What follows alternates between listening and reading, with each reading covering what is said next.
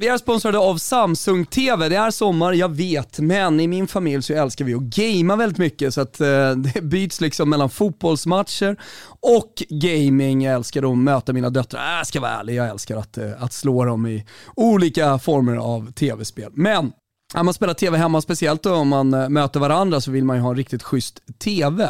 Och då skulle jag vilja slå ett slag för Samsung QN9-serien som är perfekt för gaming. Jag skulle säga att det är det självklara valet för dig som vill uppgradera gamingupplevelsen med en bild och ljudkvalitet som faktiskt slår det mesta. Lyssna bara på det här. Glöm bildstörningar och lagg. Här får man minimal fördröjning, suveräna HDR-detaljer och en särskild kontrollpanel. Det här är faktiskt jäkligt grymt för just gaming och det gör i alla fall mig till en bättre spelare. Jag skulle aldrig kunna gå tillbaka från det här. Med certifierad AMD FreeSync Premium Pro så får man mindre ryckningar och eftersläpningar samt en oslagbar kombination av superjämn grafik, topprestanda, exceptionellt eh, dynamiskt omfång och låg latens för äkta spelvinnande prestanda. Samsungs QN9-serie kommer i många olika storlekar ska ni veta, upp till 85 tum, så satsa på en större TV för en större gamingupplevelse. Surfa in på tv.samsung.se för att läsa mer om Samsungs breda Neo QLED-utbud och Q9-serien. Vi säger stort tack för att ni är med i Toto Balotto.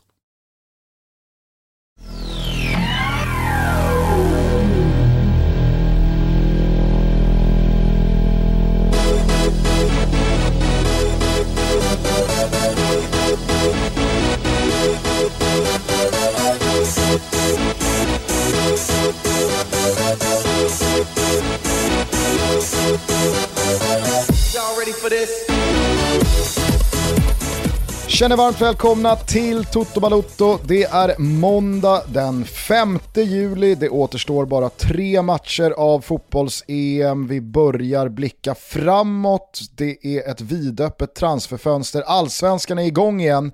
Men jag skulle vilja börja med att eh, bolla två grejer med dig. Se vad du studsar på mest. Ja, Okej. Mm. Nej men jag tänkte att du Eh. ville börja med ett svep men, eh, men vi börjar med att bolla och så, så Ja. tar vi svepet i lugn och ro.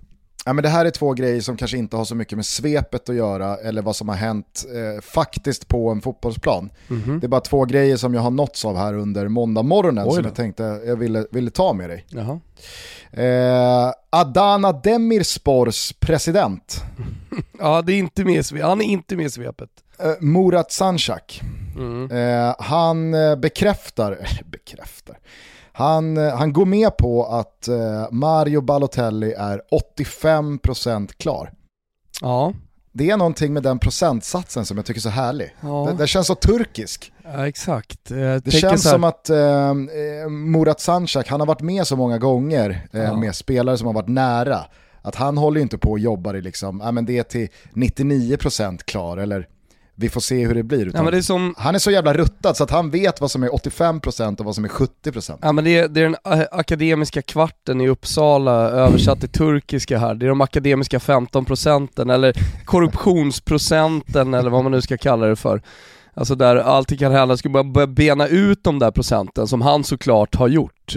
Så, så hittar vi ju då Ja men eh, några juridiska problem, eh, givetvis 5% på att Mario Balotelli bara får kalla fötter timmen innan han ska skriva på att han inte trivs där och, och Det, det kan ju också vara någonting med kursen. Eh, vår utrikeskorrespondent Dani Larsson, han vittnade ju om under sina år i Turkiet om att dollarn ofta var, liksom, det, det, det var en tryggare handelsvaluta än eh, den inhemska.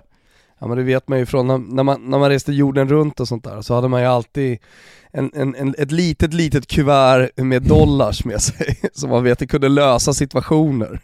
De funkar fan överallt. Ja dollar US dollars. Ja. Eh, men är det så att vi kanske lanserar ett nytt litet uttryck här i Tutto? Vi har ju, vi har ju ett par sådana på, på samvetet, men den, Ja, turkiska, den turkiska kvarten, Ja den, den turkiska kvarten. Det finns den säkert akademiska kvarten och den turkiska kvarten och det är alltså de här sista 15 procenten som inbegriper alla potentiella fallgropar för en transfer. Det går säkert att översätta till italienska, spanska, engelska och svenska också. Men då blir det inte 15 utan då kanske det blir lite mindre. Men ändå, den är, det kan gå som eh, den turkiska kvarten. I eh, Sverige så har ju David Fjell i många år eh, jobbat på uttrycket och termen han är Batan klar. Då ja. han alltså syftade till då Stefan Batan som var klar för AIK men kovände sista timmen och skrev på för Djurgården istället. Just det. Så då finns det liksom gäster som bokas till Eurotalk och andra program som, som Dobb och tidigare Fan-TV gjorde. Antingen så var man klar eller så var man Batan klar. Just det. Birro var ju ständigt Batan klar. ja, tåg, strul med tåget i Norrköping. Det var ju å andra sidan min lycka. Så Birrus, bi, bi, Birros eh, något loja inställning till att åka till Eurotalk under något år när allting började gå, liksom snurra för honom.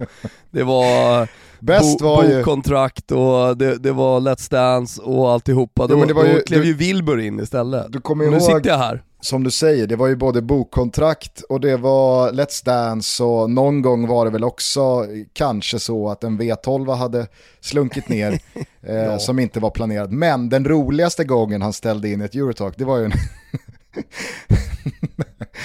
när vi satt på redaktionen och undrade vad fan är Birro? Tio, tio minuter över elva, Birro hade inte kommit, så går någon bara in på Expressen och då ser man Marcus Birro går för partiledarposten i Folkpartiet, eller Liberalerna, jag kommer inte ihåg om de hade bytt namn.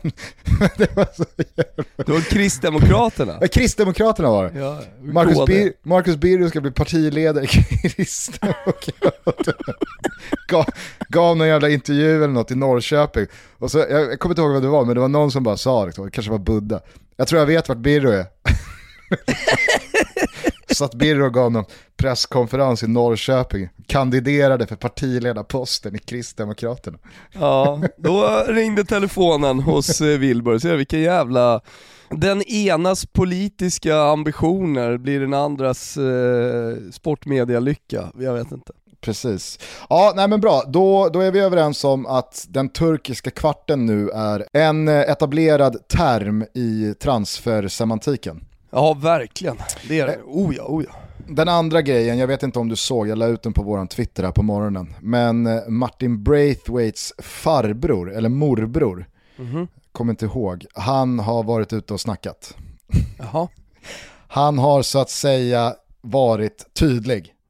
Okej, vad kul. Nej, jag såg inte det här. Raka rör är det som gäller av uh, Braithwaites farbror Philip Mikael, eller uh. Philip Michael. Jag vet ja. inte, det verkar ju vara någon, eh, någon liksom... Något eng- Ja, men det, det, verkar ju vara någon engelsk eh, namndominans i släkten Braithwaite. Okay. Mm. Eh, så att jag, jag ursäktar mitt uttal här. Eh, hur som helst, jag läser här från Pavlidis eh, sommar-headlines. Alltid lika härligt att börja månaderna med. Ja, fan shoutout till Pavlidis alltså.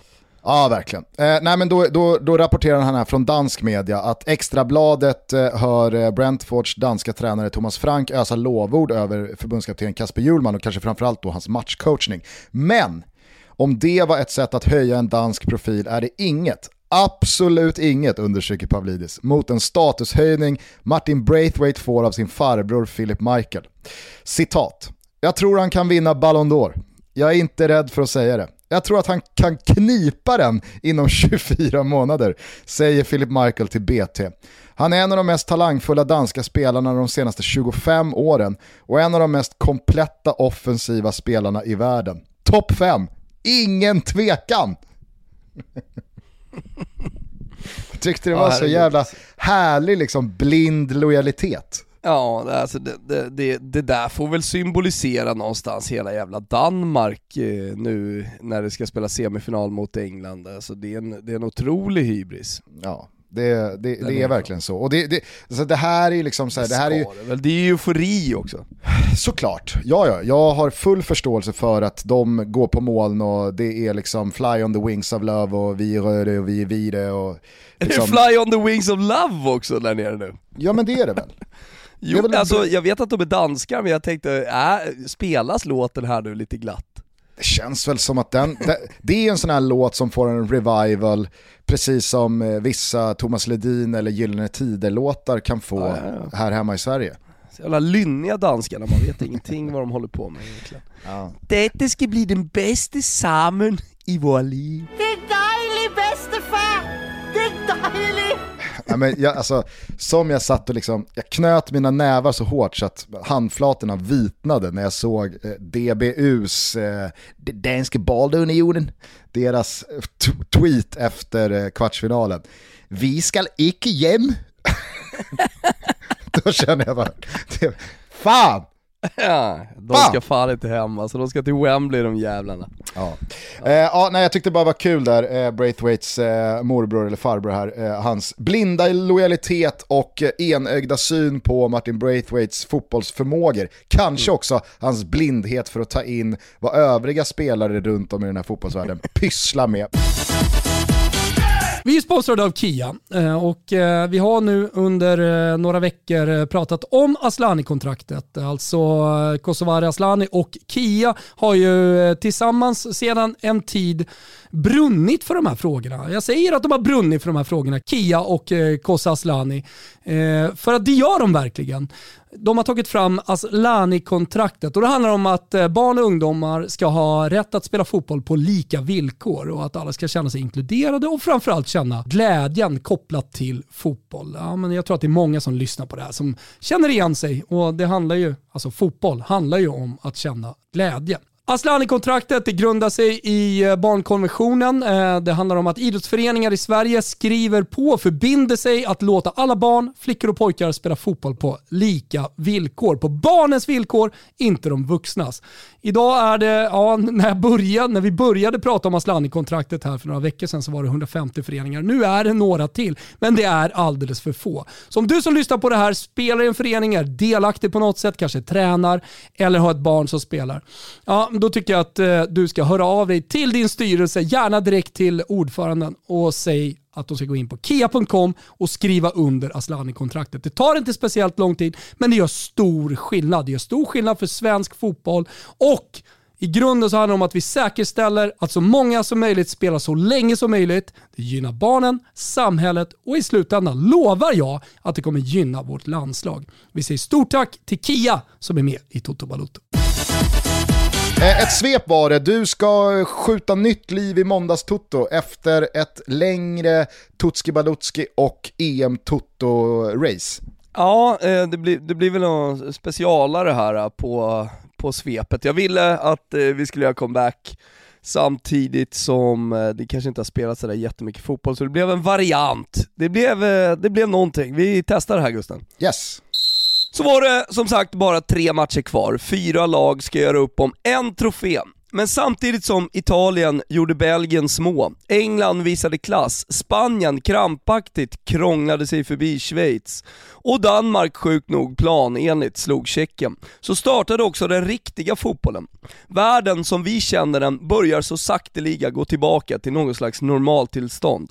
Jan står inte längre vid bänken och Lofta Hammar har slutat sjunga kanna på. Tidningarna, de stora, ägnar fler och fler sidor åt säsongen 21-22 och truppbyggena, som i och med att vi slog över till juli, börjar bli konkreta. Längst fram i någon slags bräsch går PSG, som inte alls ska tappa någon fart. Tvärtom, PSG ska öka. Fransken ska fortsätta söka trofén som verkar omöjlig för dem att vinna. Med Sergio Ramos erfarenhet och Hakimis speed. Klart det händer grejer på transfermarknaden va. Men det är inte bara på den stora internationella fotbollsscenen saker och ting börjar bli som förr. I helgen omstartade allsvenskan och på läktarna kunde man återigen höra sångerna som vi saknat så djupt. Resultatböckerna noterade förluster för Malmö i Norrköping, AIK på Hisingen. Där stod 3-1 för Degen mot Östersund, kryss mellan Varberg och Kalmar FF, samt ett sent, södersurt kvitteringsmål för Halmstad, där strax söder om Gullmarsplan. Just det, jag tror nog att Sirius minsann vann över Mjällby också. Men Även om det inte var obetydliga resultat för någon med känslor investerade i nämnda klubbar, så är det det stora perspektivet ändå som måste få fokus här. Passerade inte allt det vackra förbi hyfsat obemärkt? Vi har ju lidit så länge, kollegor har ojat sig och krönikerat. Ingen fotboll utan publik. Plötsligt stod de där med bärs i magarna, rätt promillehalt i blodet och med struparna fulla av sång. Fotbollens essens, de som gör sporten unik, de stod ju där och sjöng sig hesa igen. Tusentals! Och visst kunde vi se det genom rutan, men är det bara jag, eller glömdes det inte återkomsten, den stora återkomsten till arenorna totalt bort, inte bara av sportmedia, men även riksmedia. Det har ju liksom passat att göra det till en politisk angelägenhet, supporterna alltså. Det har gjorts poänger av allt möjligt löst folk om att fotboll minsann inte är någonting utan publik. Sen stod de där, och jag tycker att det var ganska tyst. Min känsla nu, det är att det lika snabbt som coviden tog oss, kommer fotbollens äkta, genuina värden att glömmas bort.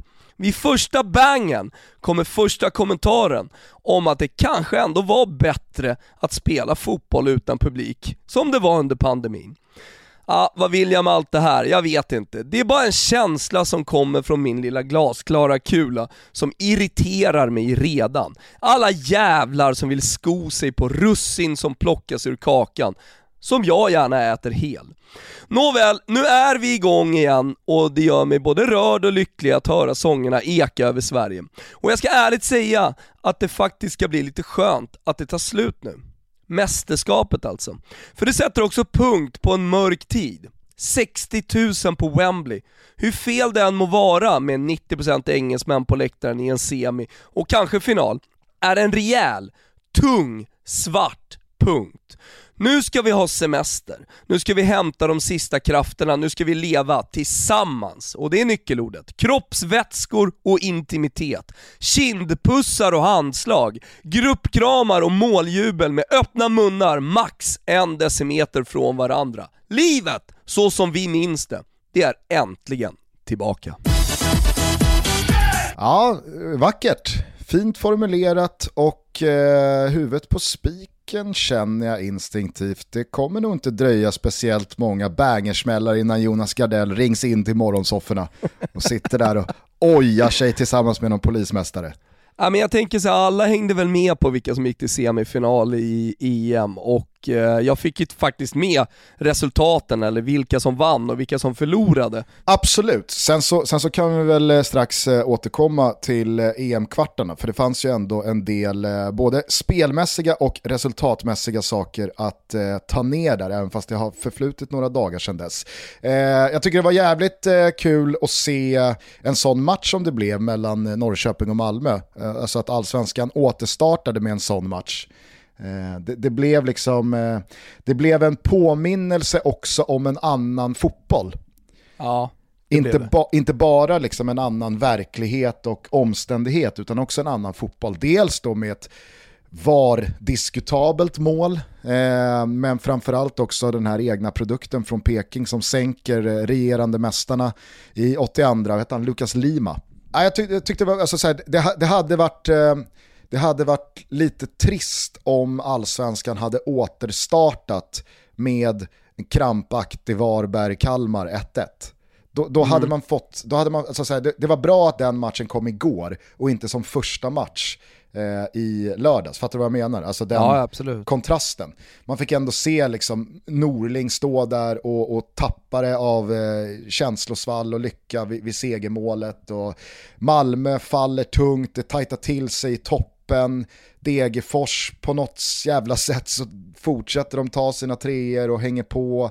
Äh, men det, det, det, var, det var liksom en allsvensk omstart som, som sköt eh, nytt liv i mig även sportsligt. Inte bara det som du är inne på, som jag håller med, inte fick så jävla mycket uppmärksamhet. Men, men är det inte så klassiskt just liksom juli, allsvensk, svensk fotbollspublik. Visst, omständigheterna är jävligt annorlunda den här sommaren i och med att vi har en ett och ett halvt år lång pandemi bakom oss. Men brukar det inte alltid vara så här i de här tiderna att man, man, man slår på stora trumman och, och det gastas jävligt mycket om att man minsann ska kraftsamla till Europakval och nu jävlar har vi landat den här platsen och nu ska vi hedra den och sen så kommer det 7000 färre än på vilken serielunkmatch som helst. För att det är sommar, det är semestertider, det är eh, andra saker som sätter käppar i hjulet kontra det, det, det vanliga vardagslivet och så vidare. Ja, alltså jag vet jag... inte. Dessutom så har det väl, det har väl varit jävligt mycket annat som har tagit också väldigt stor medial plats. Med all rätt såklart, senaste dagarna. I riksmedia ja, som du är inne på. Ja, det, det är möjligt, eh, men trots allt varit ett stort fokus från eh, alla delar av det här samhället eh, på just att det inte har varit någon publik på läktarna och eh, när jag slog på AIK Häcken, när jag slog på Hammarby så så hörde jag sångerna på allsvenska arenor igen. Och eh, visst, det var någon kommentator som kommenterade det eller någon expert och åh vad härligt det är med sång igen på läktarna och sen så var allting normalt igen. Och sen läste jag inte så mycket om det och jag, jag har inte sett så mycket om det i tidningarna heller utan eh, det, det, det, var bara, det var bara så det var. Nu är vi tillbaka igen, nu kör vi på. Och då, då fick jag bara de där, de där känslorna. Dels tillbaka retroaktivt, liksom, eh, som jag irriterade mig eh, på under pandemin också, att många som vill sko sig på fotbollen eh, och, och vinna billiga poänger liksom, på just supportrarna, det är nog det värsta. Alltså när, när, när jag läser typ så, ja, ah, fotboll, fotboll utan publik, det är ingen fotboll, då kan det lika gärna vara. Och jag tröttnar på fotboll har man kunnat läsa. Allt möjligt löst folk liksom under, under den här pandemin bara för att det inte är några eh, supporter på läktarna. Eh, och så går man inte själv på fotboll kanske till, till exempel. Man bidrar inte, man bidrar inte själv till, till eh, eh, supporterkulturen. Och då, då, då fick jag bara, det blev så starkt liksom att eh, ja, men snart är vi där igen. Med Robban Lull som, som skriver någon krönika om, eh, om eh, eh, ja, för att trycka ner supporterna och vi är snart där med att eh, den första kommentaren faktiskt eh, ramlar ner att det var bättre förr. alltså under pandemin. Jag lovar dig, den ja. kommer. Jag ser i alla fall jävligt mycket fram emot kvällens eh, båda allsvenska matcher. Eh, i, I Stockholm på Tele2 så är det Djurgården mot eh, Örat och där känns det som att Örestjärt måste liksom de måste ju visa direkt efter det här uppehållet att man, man, man tror på någon slags fortsatt allsvensk existens samtidigt som Djurgården nog känner efter Malmös nya torsk igår, Gnagets torsk, att alltså, de, här, de här sena poängtappen i, i, i slutet av första delen av den här säsongen ja, men de behöver inte kosta så mycket om man rivstartar igen här. Men framförallt så är det ju Blåvitt eh, man, man, riktar sina blickar mot här. Inte bara då liksom ny luft i lungorna, eh, nu kommer väl eh, inte Mackenberg eh, på något sätt delta, men Oskar Wendt eh, är väl tillbaka och inte minst då Micke Stare på, på sidlinjen. Mm. Känns som att eh, det här Blåvitt som bara har en förlust hittills men också bara en seger Alltså ska de på något sätt ge sig in i någon toppstrid så är det ju en, det är en segerstreak som måste påbörjas här ikväll mot Elfsborg. Men alltså hade det inte varit jävligt snyggt om hela fikaligan och alla som är tillbaka faktiskt i alla fall är med i truppen och sitter på bänken för att markera, titta vi är faktiskt tillbaka, vi bryr oss om det här på riktigt, på allvar. Det är inte så att vi bara vill bo i Göteborg resten av våra liv och det har vi bestämt sen, eh, sen tidigt eh, i våran eh, fotbollsfamilj. Utan vi är faktiskt också här för att vi bryr oss om IFK Göteborg. Hade det inte varit jävligt snyggt om man, eh, om man, eh, om man faktiskt var med i truppen? Jag, jag har inte sett hur, hur det ser ut, om, om det är någon som kommer vara med, som var med i, i, i EM för Sverige. Nej men det är väl bara, alltså det är väl bara Marcus Berg som, som tillhör den kategorin. Okej, okay. ja, eh, vad fan är han då? Nej men Marcus Berg är väl precis som eh, Micke Lustig och Sebastian Larsson inte var med i AIKs eh, verksamhet här eh, in mot eh, första matchen. Alltså hur, hur icke förvånande hade det varit om Sebastian Larsson hade gjort 90 plus 4 igår? ja, Krigat det... ner någon jävel ute på högerkanten och vunnit boll liksom. Ja. Nej, jag, så, jag såg, eh, alltså, nu, nu är det lite skillnad då på att åka i gruppen och eh, åka åttondelen, men Jona Toivio, han startade i Häcken. Ja. Det var ingen snack. Nej. Finska stålet rätt in i mittlåset där. Mm. Kul för övrigt när då Per-Mattias Högmo, nya tränaren i Häcken, som jag måste säga jag högaktar efter sin tid i Djurgården. Fan vad bra jag tyckte han var och fan vad liksom genuint härlig person han, han, ja, men han, han verkligen var. Eh, Jag tycker det är kul att han är tillbaka i svensk fotboll och det känns som en perfect match eh, i, i Häcken. Men det var roligt att se honom när han bytte ut eh, Fribben. Förvisso varningsbelastad, men 58 minuten ledning 2-0 mot AIK som Friberg älskar att möta, älskar att slå. Alltså, det, det var ganska tydligt vad Fribben tyckte om det, det bytet. Ja, men vad skrev han till oss efter? Han lär sig snart eller? Han lär sig snart att man inte byter ut mig i det där Nej. läget. Nej, det var kul. Eh, men eh, jag, jag klickar mig in här på Blåvitts eh, juli. Lyssna här. Mm. Elfsborg ikväll. Östersund borta i nästa. Mjällby hemma efter det. Och sen Varberg på bortaplan.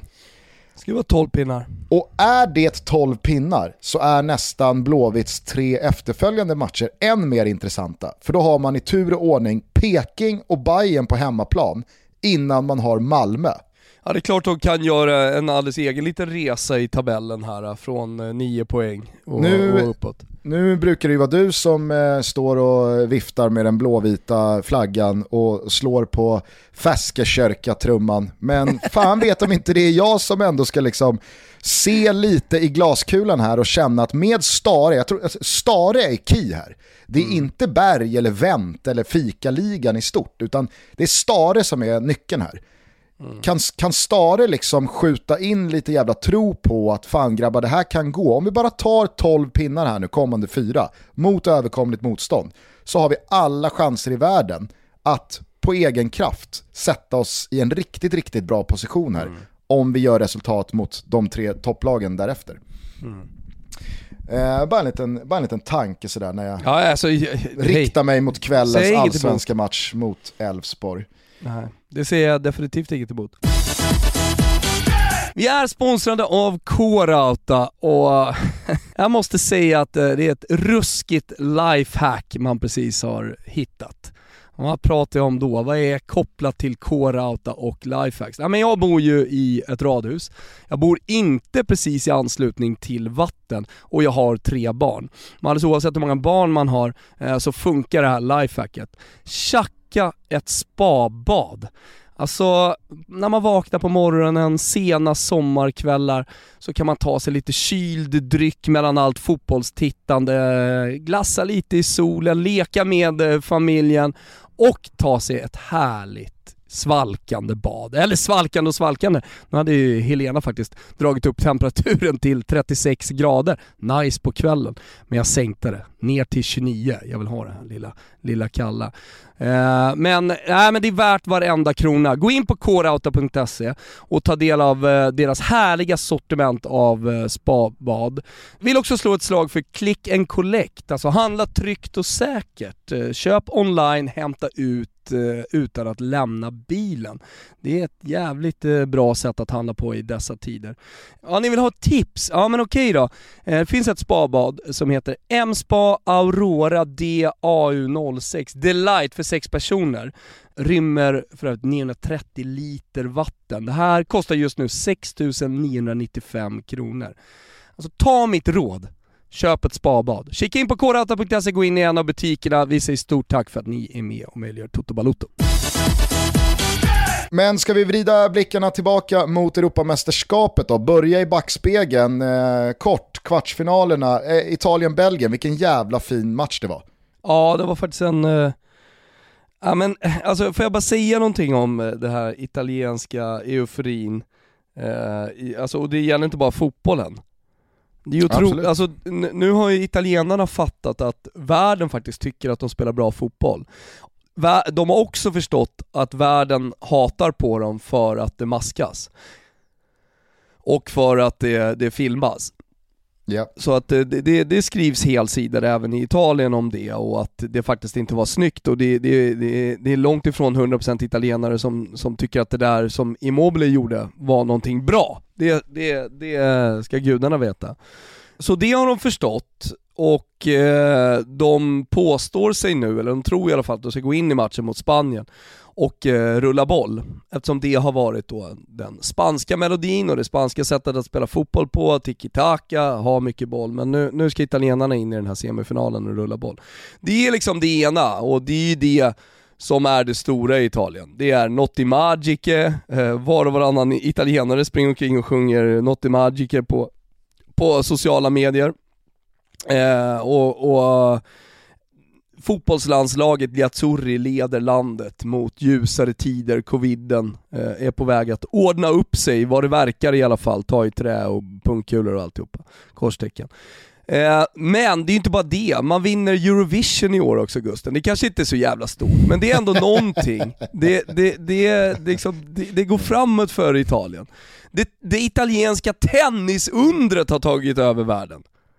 Nu har man två spelare i åttondelsfinal i Wimbledon, det har aldrig hänt tidigare. Och det här är tydligen bara början. Jag som inte kan någonting om tennis men snackar lite med Neves och folk som, som, som har koll är liksom, ja men Italien, det är the shit liksom kommande tio år. Okej. Okay, Så börjar hittat... väl eh, Molinari röra på sig också igen i PGA Tour Ja men du ser, är jag förvånad? Nej det är jag inte. Det har jag inte ens noterat. Men igår också då. då det italienska basketlandslaget. Efter 17 år så tar de sig till OS. Efter en heroisk match eh, som man vinner mot, ja vilka man nu vann mot. men jag såg att det liksom, ja men det, var, det, det, det slogs på stora trumman och äntligen tillbaka och nu ska NBA-italienarna in, det är lite som hockeyn där va. De är inte med i kvalet men kommer till slutspelet så. Vet du vad jag direkt känner och tänker på när, när jag hör dig berätta om detta? Nej känner en instinktiv glädje kring den italienska mediala rapporteringen kring liksom, basketlandslaget. För det måste vara sån jävla uppjaktning i användandet av amerikanska och engelska termer. Ja, ja, ja, ja herregud. Jag hörde också, det heter Pallacanestro, heter ju basket på, på italienska. Men jag märker, både i media och, eh, det var Roberto Mancini eller om det var någon annan som pratade om det, och då var det liksom basket, så man, man, man, har, man har börjat övergå från Palacanestro till basket också. Jo men alltså jag, jag, jag vet ju att det, det, det finns ju inget italienskt ord för point guard. Nej. De kör ju point guard. Ja, ja, eller bara point. Som man gör med playmaker, som man bara play. Eller top player, top. Ja men det har jag märkt, alltså man har ju slutat alltså att använda regista mer eller mindre i Italien. Alltså det är bara play. Play. Ja vi kör doppio play kör vi. Ja, dubbla play med Verratti och Jorginho. Regista finns typ inte kvar i den italienska ordlistan. Det är bara i Sverige vi kör. Vi får börja ändra oss liksom, vi ska hänga med i, i, de italienska, i det italienska surret där. Det är bara en tidsfråga innan Prima Punta blir striker. Ja, men alltså Roma-supportrarna i Sverige hatar ju den här utvecklingen. Va? Rigore då? Snart är väl penalty? Ja det använder man fan! Hörru, pen. corner pen. och penalty, det växer sig starkt i, i Italien. Det lovar då jag kör, alltså. Då kör de ju snart pen. ja, ja, ja. Never a penref. exakt. Ja, men eh, vad roligt då. Det italienska idrottsundret, eh, det, men, men, men det frontas väl fortfarande av fotbollslandslaget som nu är tillbaka i en mästerskapssemifinal jo. på Eh, vad måste det vara? Det är alltså eh, EM12 senast då? Ja, exakt. Man rök väl i kvarten 16. Mm. Och i VM har det ju gått skit. Mm. Om man nu ens har deltagit. Så man, slog, man slog Serbien tydligen igår, var så det var. Du är på basketen nu? Ja, jag bara Basket. såg Ja, jag fattar.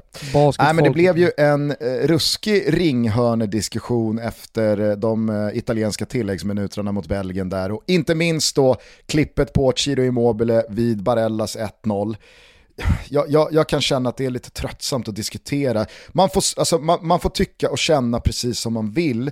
Det känns inte som ett fenomen kring fotbollen där folk är så jävla benägna att svänga. Jag köper och förstår att min farsa och tusentals andra, miljontals andra tittar på Ciro Immobile där eller på någon annan italienare på tilläggstiden som maskar och ligger ner och dödar tid och känner sig upprörd. Men jag vet ju samtidigt att samma personer inte har så jävla mycket emot det när det är Micke Lustig som dödar tid eller när det är Sebastian Larsson eller någon annan i Sverige som får någon minut extra att gå mot Spanien när vi håller 0-0. Det där är ju så jävla ja, men då, liksom, vet du vad det är då Gustav? I... Det kan de Nej. fan ha, för de har alltid gjort mot oss. Det är ju det. Exakt, man rättfärdigar det ja. genom att pissa på alla medelhavsländers liksom, historiska myglande och ja, maskande. Ett, ett med Immobile-grejen där, ett det är ju straff. Sen så att han förstärker och liksom ligger kvar för att få den där straffen, det är, det är en sak. Men det är ju snyggt av domaren att låta det gå. I alla att, fall. Att han liksom gör som han gör är jag helt övertygad om handlar ju bara om att uppmärksamma varummet på, här finns det en situation, ja, titta nej, alltså, på det. Är, det, är ju, det är ju förmodligen straff om varummet kollar på den där, jag tror att domaren känner att det där är straff också. Och jag tror jag... dessutom, vet du vad jag tror? Jag tror att den belgiska försvararen, vem var det som var uppe med sulan? Det var Fertongen. Ja, och du ser, han fortsätter ju det, han, han slutar ju spela för att han vill å sin sida markera att det här minsann inte är straff.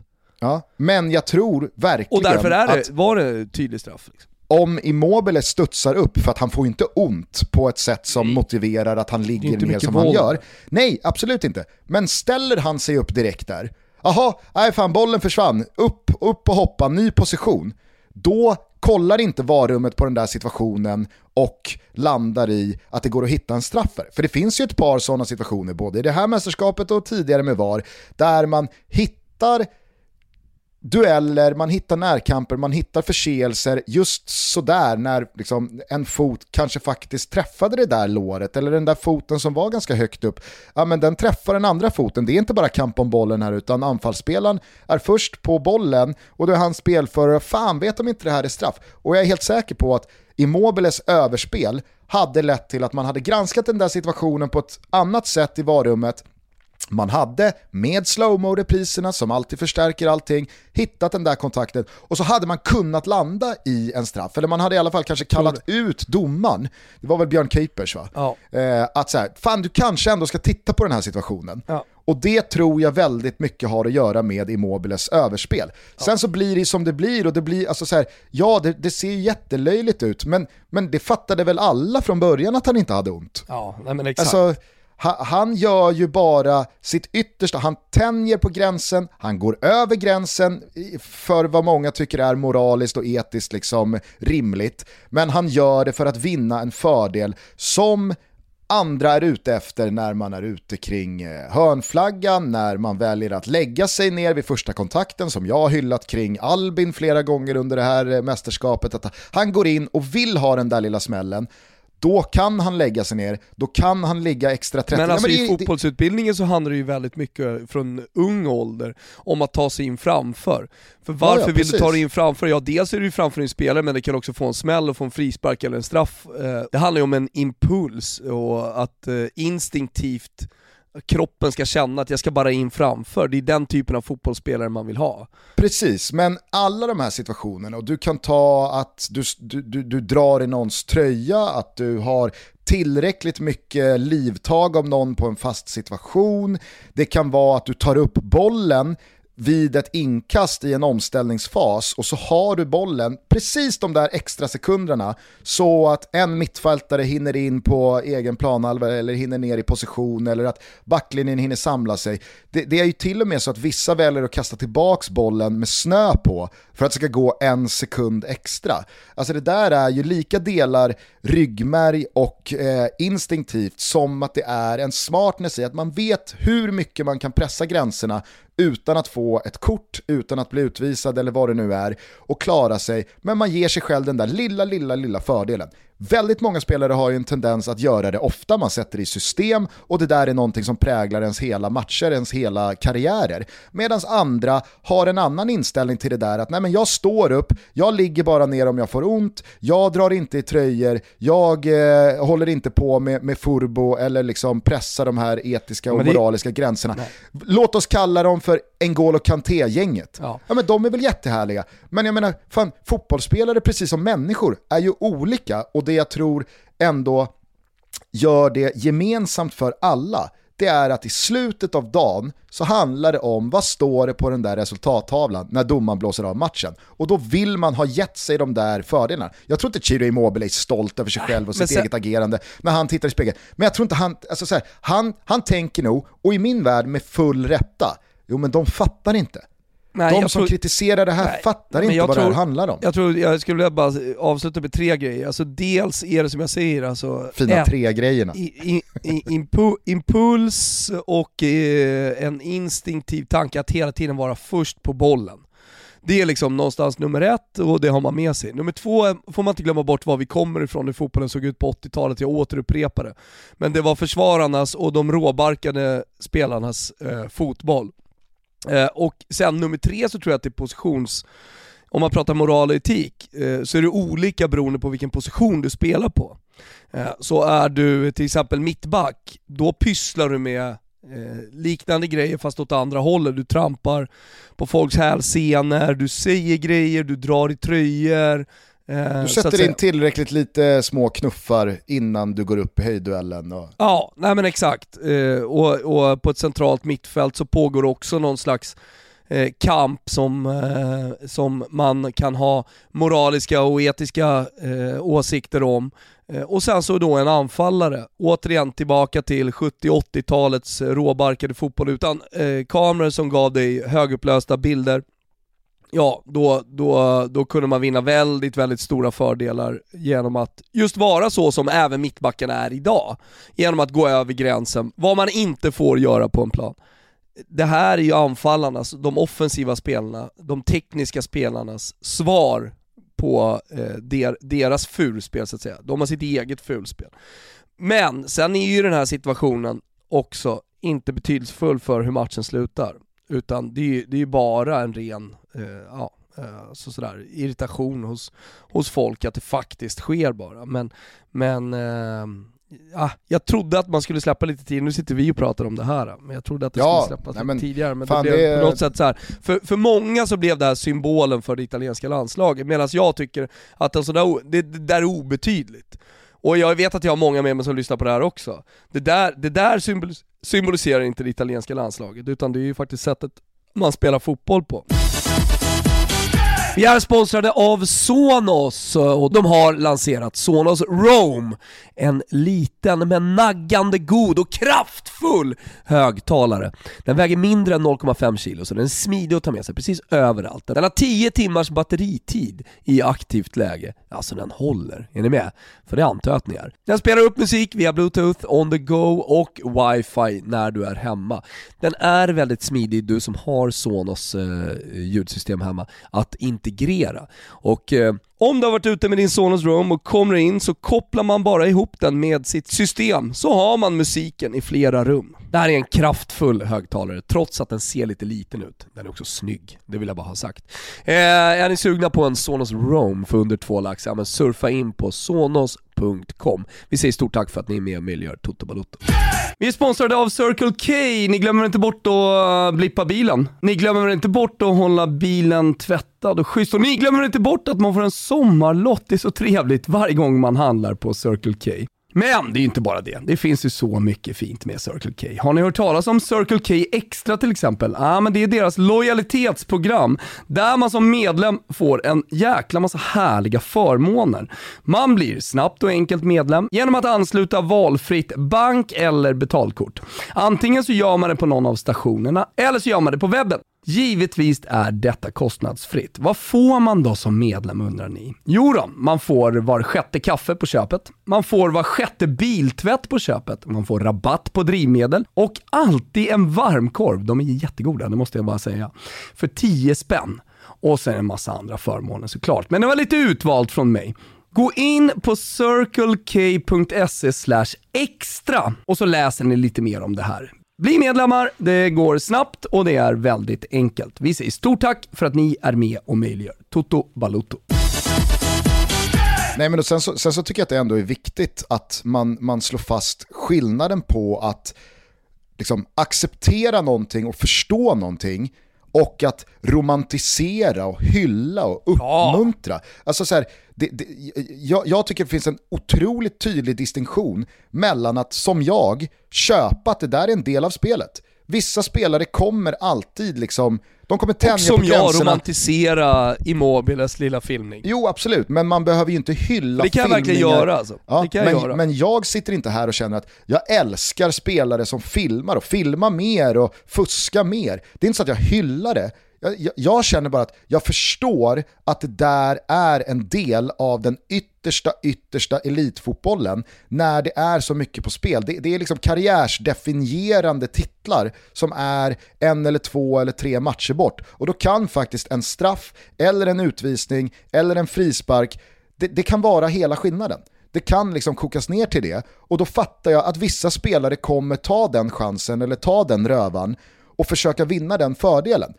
Är det så att det är liksom över gränsen och att det går att bevisa, men straffa det då. Upp med kortet, eller visa ut spelaren. Men att hålla på och liksom så här fördöma en hel sport eller ett helt land eller e, e, e, en spelare och liksom ta heder och ära av någon för att man har liksom överdrivit eller filmat. Så här, vad fan, lägg ner. Så fattar man inte att det där är en del av, av, av spelet då, då, då lever man ju faktiskt i en alldeles för naiv och eh, liksom, ja, men romantisk värld som inte existerar. Jag tror vi blir lite långa kring Immobile, men det, det, det, var väl kanske viktigt att säga någonting om det. Jag har inga problem med, med, med att romantisera, jag vill bara vara tydlig med det. Hur ser du på styrkeförhållandena här inför semifinalen imorgon tisdag, som går på TV4 och Simor. Studiosändningen öppnar 20.00, matchen är 21.00. Jag ser fram emot den här matchen oerhört mycket. Mm. Jag försöker att inte stirra mig blind på Spaniens match mot Schweiz i åttondelsfinalen och eh, det faktum att eh, den matchen gick till, eh, till straffar och på så sätt känna mig liksom trygg i att Italien som spöade upp Belgien och som jag sa gjorde dem små, för jag tycker att det är det, det som händer i den matchen, att Belgien som kändes stora, tunga, eh, nästan oövervinneliga, helt plötsligt blev liksom små pojkar mot, eh, mot det här skickliga italienska laget. Eh, jag försöker inte stirra mig blind på kvartsfinalerna, utan jag försöker zooma ut, jag försöker få någon slags perspektiv på Spanien, vad, vad, vad är det här laget och vad är dess styrkor? Eh, matchen mot Slovakien såklart kommer upp, eh, och, Stora ja, delar av Kroatien-matchen också. Absolut. Så Måste jag, bara jag, säga jag, det kort om Spaniens avancemang mot Schweiz här i kvarten. alltså, tror du någon medspelare vågade sätta sig bredvid Jan Sommer på, på, på bussen där från arenan? Nej det tror jag inte. Fy fan vad irriterad och lack Jan Sommer måste varit. Ja, det är, det är bedrövligt. Vilka straffar de slår.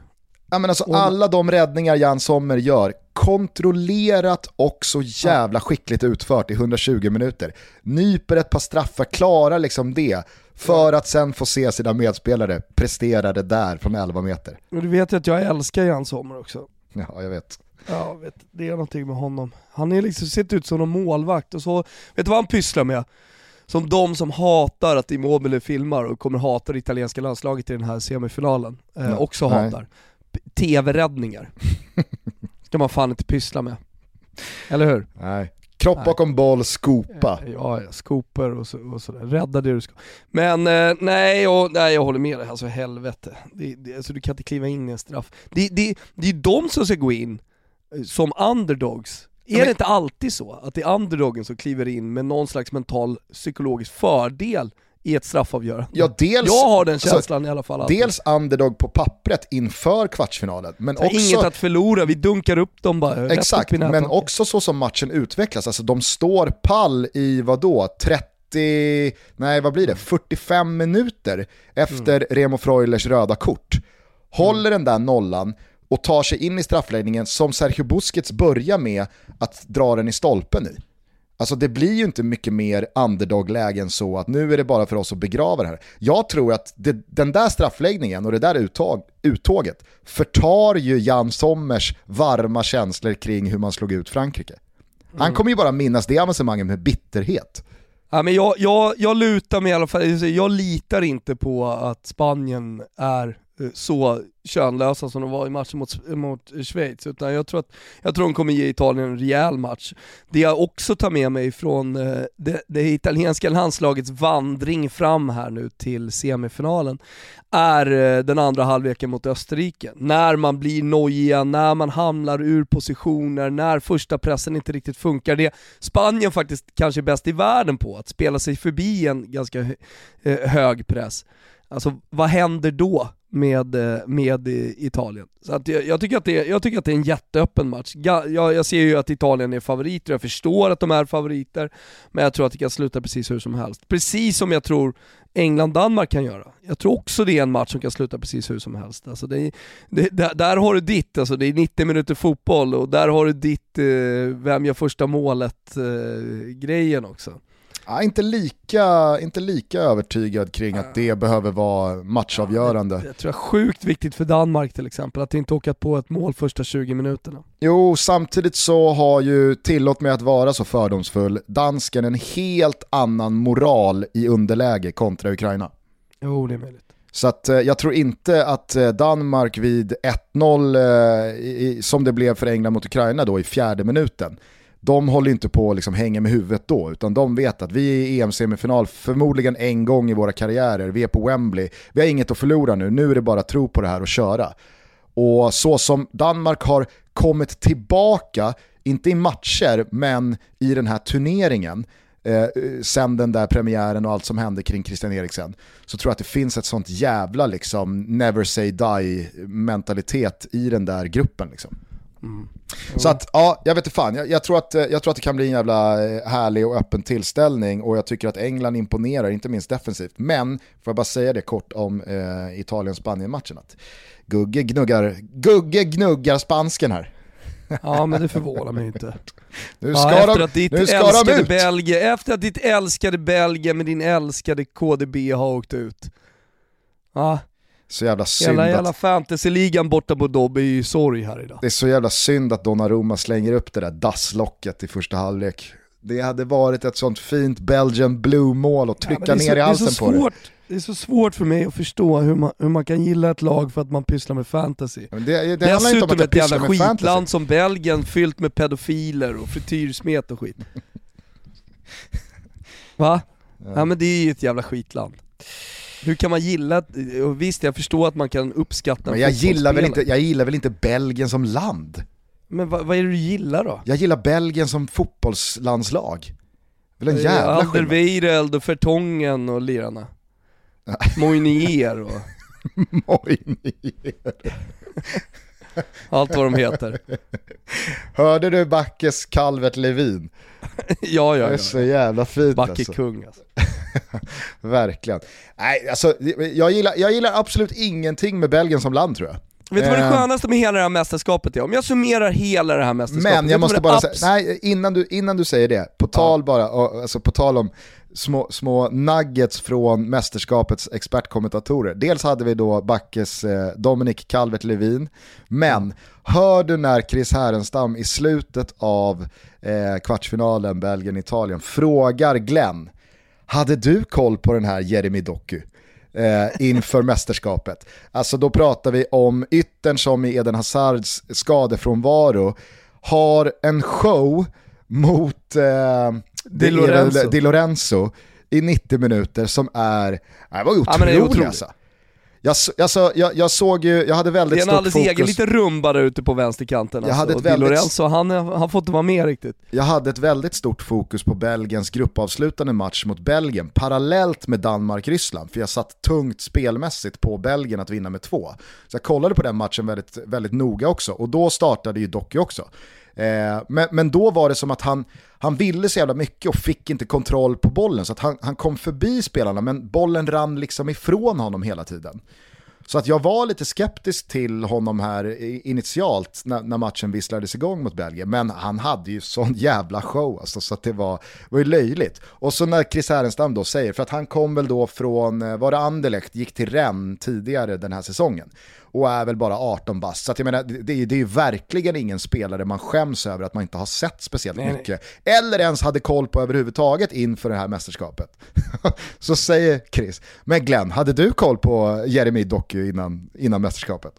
och så tar Glenn Strömberg en jävla tydlig liten konstpaus där man hör nästan genom mikrofonen hur han överlägger med sig själv.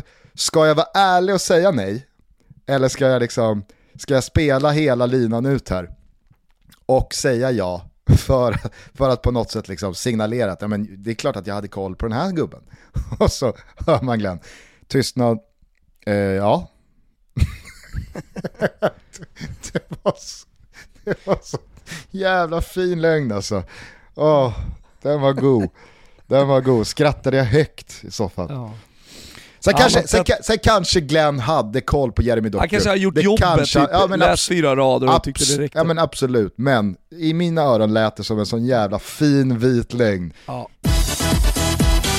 Vi säger ciao till Lavazza, det italienska kvalitetskaffet från Turin. Qualita Rossa har många koll på, ser man på många barer när man är i Italien om inte annat. Det röda som får en att tänka på Ferrari, lyxiga saker och sånt. Ja men det här är ju ett lyxigt kaffe. Kanske kostar några kronor mer när man går in i butiken.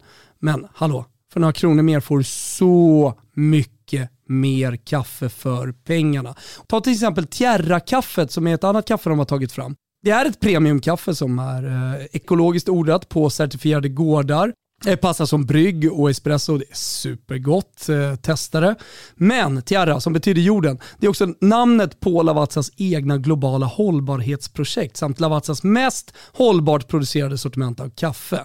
Och med respekt för miljön så syftar Tierra-projektet för att förbättra levnadsstandard, social utveckling och ekonomisk tillväxt för kaffeproducenter. Lavazza går in och hjälper till i länder som har det tufft och där kaffeproduktionen kanske inte riktigt eh, blomstrar men där möjligheterna finns. Och då ser de till att de som jobbar där får ett mycket, mycket bättre liv. Och vet ni vad? Kaffets framtid ligger i våra händer. För att framtidens generationer ska kunna njuta av en kopp kaffe, då måste också kaffeproduktionen i världen ställas om för att bli mer hållbar. Och därför är vi så jävla glada för att Lavazza tänker på det här med sitt Tierra-projekt. Testa kaffet, det är extremt gott.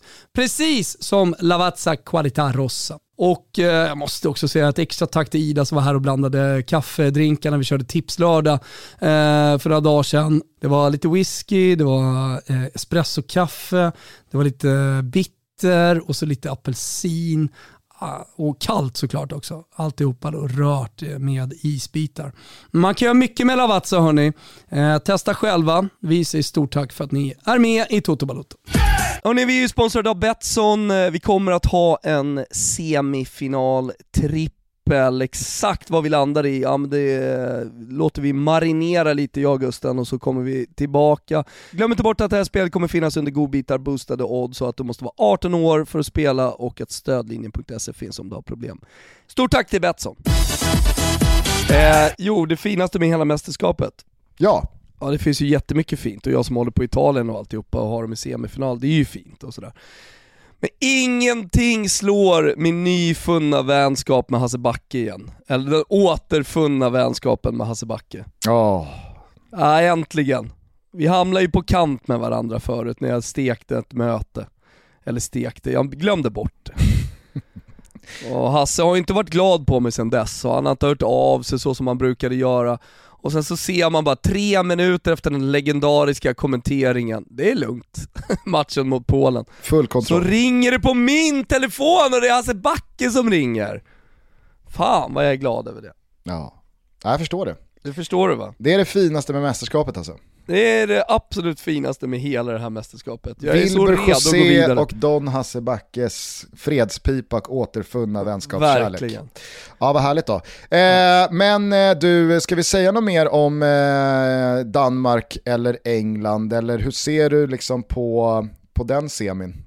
Eh, nej men som jag sa, alltså, jag tycker att det är öppet. Jag tror att jag tror definitivt att Danmark har någonting eh, att säga till om här. Alltså, jag förstår folk som eh, verkligen går igång på Englands 4-0 och deras väg framåt. Man har fått igång Harry Kane, Sterling ser sådär jättebra ut som man kan göra under några veckor och några månader i City ibland innan han svalnar av lite.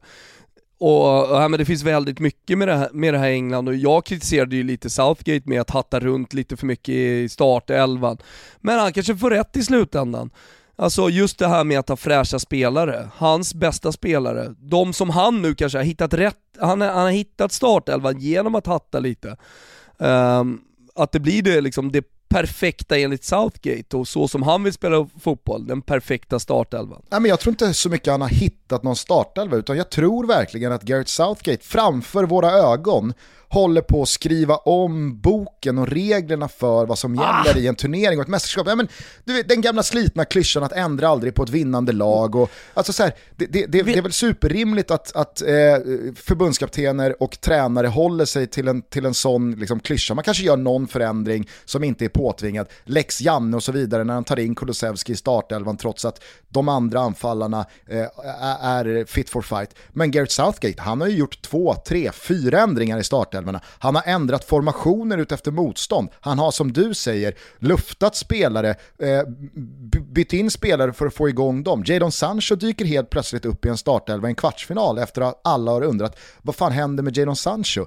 Jack Grealish får inte spela i kvarten mot Ukraina men direkt på slutvissla så är Southgate där med armen runt Jack Attack och liksom förmodligen förklarar att du var varningsbelastad, jag skulle ha igång lite andra fräscha ben, du kommer få din speltid i semin.